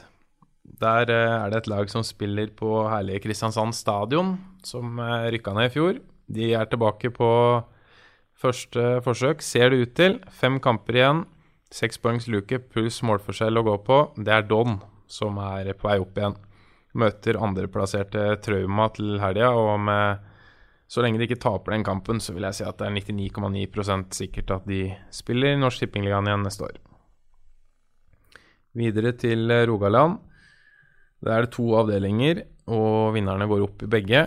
Veldig jevne avdelinger. Eh, I den første avdelingen så er det sto det mellom Hinna og Riska fram til ferien. Men uh, Eiger fra Egersund har meldt seg på. Ni strake seire. Hinna, som er på toppen nå, tre poengs luke til de to andre. Men i de to siste kampene så møter de først Riska, og så Eiger. Ordentlige finaler på tampen av sesongen. Ja, så det lever virkelig inn der. Uh, det er seks kamper igjen for alle tre laga, så i Rogaland liker de å holde på litt lenger enn vi gjør her på Østlandet. Så der blir det show utover høsten. Og i den andre avdelinga så er det også veldig jevnt. Varhaug ligger tre kvarter sør for Stavanger, eller kvarteret sør for Bryne. Det er de som uh, leder den avdelingen her. To poeng ned til Madla, som rykka ned i fjor. Og også to poeng til Rosseland. De har riktignok én kamp mer spilt. Så er det Madla mot Rosseland denne uka her. Så da er det et av lagene som, i hvert fall hvis Madla vinner, så hektes Rosseland av. Men uh, også her kan det da stå mellom uh, tre lag, da. Da tror jeg du har vært landet rundt. Ja. Nei da, vi mangler Hordaland og Sogn og Fjordane ja, ja, og Sunnmøre og Nøre Romsdal. Så vi, vi, nærmer oss. Men vi hopper rett på Hordaland, vi. Avdeling 1, Loddefjord. Veldig stor luke der. Åtte poeng med fem kamper igjen. Det roter de ikke vekk. De møter også flere bunnlag. Men i avdeling 2, der er det mye mer spennende. Der er det Voss som har tatt over eh, ledelsen. De har tre poeng ned til Gneist, med én kamp mer spilt, men 19 19 mål bedre målforskjell. Så det er jo praksis et poeng. Eh, som vi prata om i avdeling 3, så har de mista storskåreren sin, Maid Memic, tilbake til Haugesund og Djerv 1919. Eh, han flytta 1.9., og siden den gang så har Voss eh, fire strake seire. Så de har virkelig holdt dampen oppe etter at han dro. Og tre av de fire siste eh, kampene de skal spilles hjemme på gresset i Voss, så det kan vel lykkes da? Det bør jo lykkes, da. Og det eh, Altså, klart, vi har ikke noe noen her Vi heier jo verken på Voss eller Gneist, men jeg må jo si at gress, naturgress på Voss, det høres litt mer eksotisk ut. Så det hadde jo vært litt kult å få opp de. Naturgress på Voss eksotisk, ja greit, du skal få den. Ja, altså, Skåra 80 mål i år, det skal de virkelig ha. Ja, pøst inn goller. Eh, og når vi er ved fra Bergen retning Voss så kan vi bare fortsette videre oppover vi, til Sogn og Fjordane. Der var Årdal på full fart tilbake igjen etter nedrykket i fjor. Hadde en luke på åtte poeng og kunne i praksis avgjort alt eh, på fredag. Møtte da Sogndal 2 på hjemmebane, men Endre Kupen dukka på overtid og skåra 3-2-målet for Sogndal 2. Og til helga så møter eh, Årdal Fjøra borte. Skulle de tape den nå, så er det kun to poeng som skiller da fra Årdal på topp til Fjøra som er nummer to, og potensielt da Sogndal 2 hvis de vinner sin kamp. Men de møter Måløy og Studentspretten i de to siste kampene, og de blir kjempefavoritter. Så det eneste som kan ødelegge for Årdal, det er hvis de får veldig nerver. Men eh, jeg ville ikke satt penger på at de ikke rykker opp nå, for å si det sånn.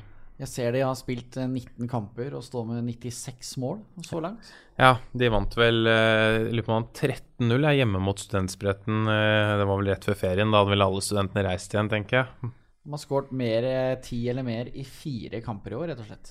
Ikke sant? Det, og de rykka jo ned med ganske klar margin i fjor, så det er ganske stor eh, nivåforskjell fra fjerdedivisjon Sogn og Fjordane opp i NT-ligaen. Men eh, kanskje de tar med seg eh, litt erfaring fra i fjor da, og eh, gjør det bedre neste år. Men eh, fortsatt spenning, i hvert fall fram til de møter Fjøra da, på Fosshaugane campus til helga. Da har vi igjen to avdelinger. Det er Nordmøre og Romsdal, og de skal ut i kvalik mot uh, Sunnmøre. Eh, Det var lenge jevnt til den Nordmøre og Romsdal-avdelinga, men eh, Kristiansund 2 de har skaffa seg en god luke til Surnadal nå. Og de andre laga hekta helt da, så de kommer til å vinne den avdelinga. Og da skal de ut til kvalik mot enten Bergsøy eller Herd. Og vet du hvor Bergsøy holder til, Lars? Det gjør jeg ikke. De holder til i Fosnavåg, som ligger sør, unnskyld, sørvest for Ålesund. Ute i havgapet der. Eh, og det ville vært en ganske eksotisk eh, Nok en eksotisk bane, da. Eh, er ett poeng foran Heid fra Ålesund, som har vært oppe i NT-ligaen før. Men Bergsøy er i kanonform, vunnet ti strake kamper. Og har bl.a. tidligere eliteseriespiss Magnus Myklebust på laget. De møtes faktisk fredag 7. oktober. Så er det Ålesund. Da vet du eh, hva du skal gjøre. Da er det bare å reise på Moa og få med seg den eh, opprykkskampen der. Så Herred er nok fortsatt eh, knepne favoritter til å ta det, den førsteplassen. Men Bergsøy ser skumle ut, så får vi se da hvem av de to som gjør det best i en eventuell opprykkskvalik mot Kristiansund 2. Da tror jeg vi var igjennom, jeg. Da var vi gjennom hva du vet og kan eh, dele av informasjon, Anders. Hjertelig takk skal du ha. Jo, selv takk. Da ønsker vi egentlig alle lykke til med sesonginnspurten eh, der ute. Det blir spennende å se. Det er mye som står på spill når det gjelder både opprykk og nedrykk fra henholdsvis Norsk Tippeligaen og fjerdedivisjon for øvrig. Jeg tror vi runder av der, ja. Så ønsker vi alle lykke til. Lykke til, og ha det bra.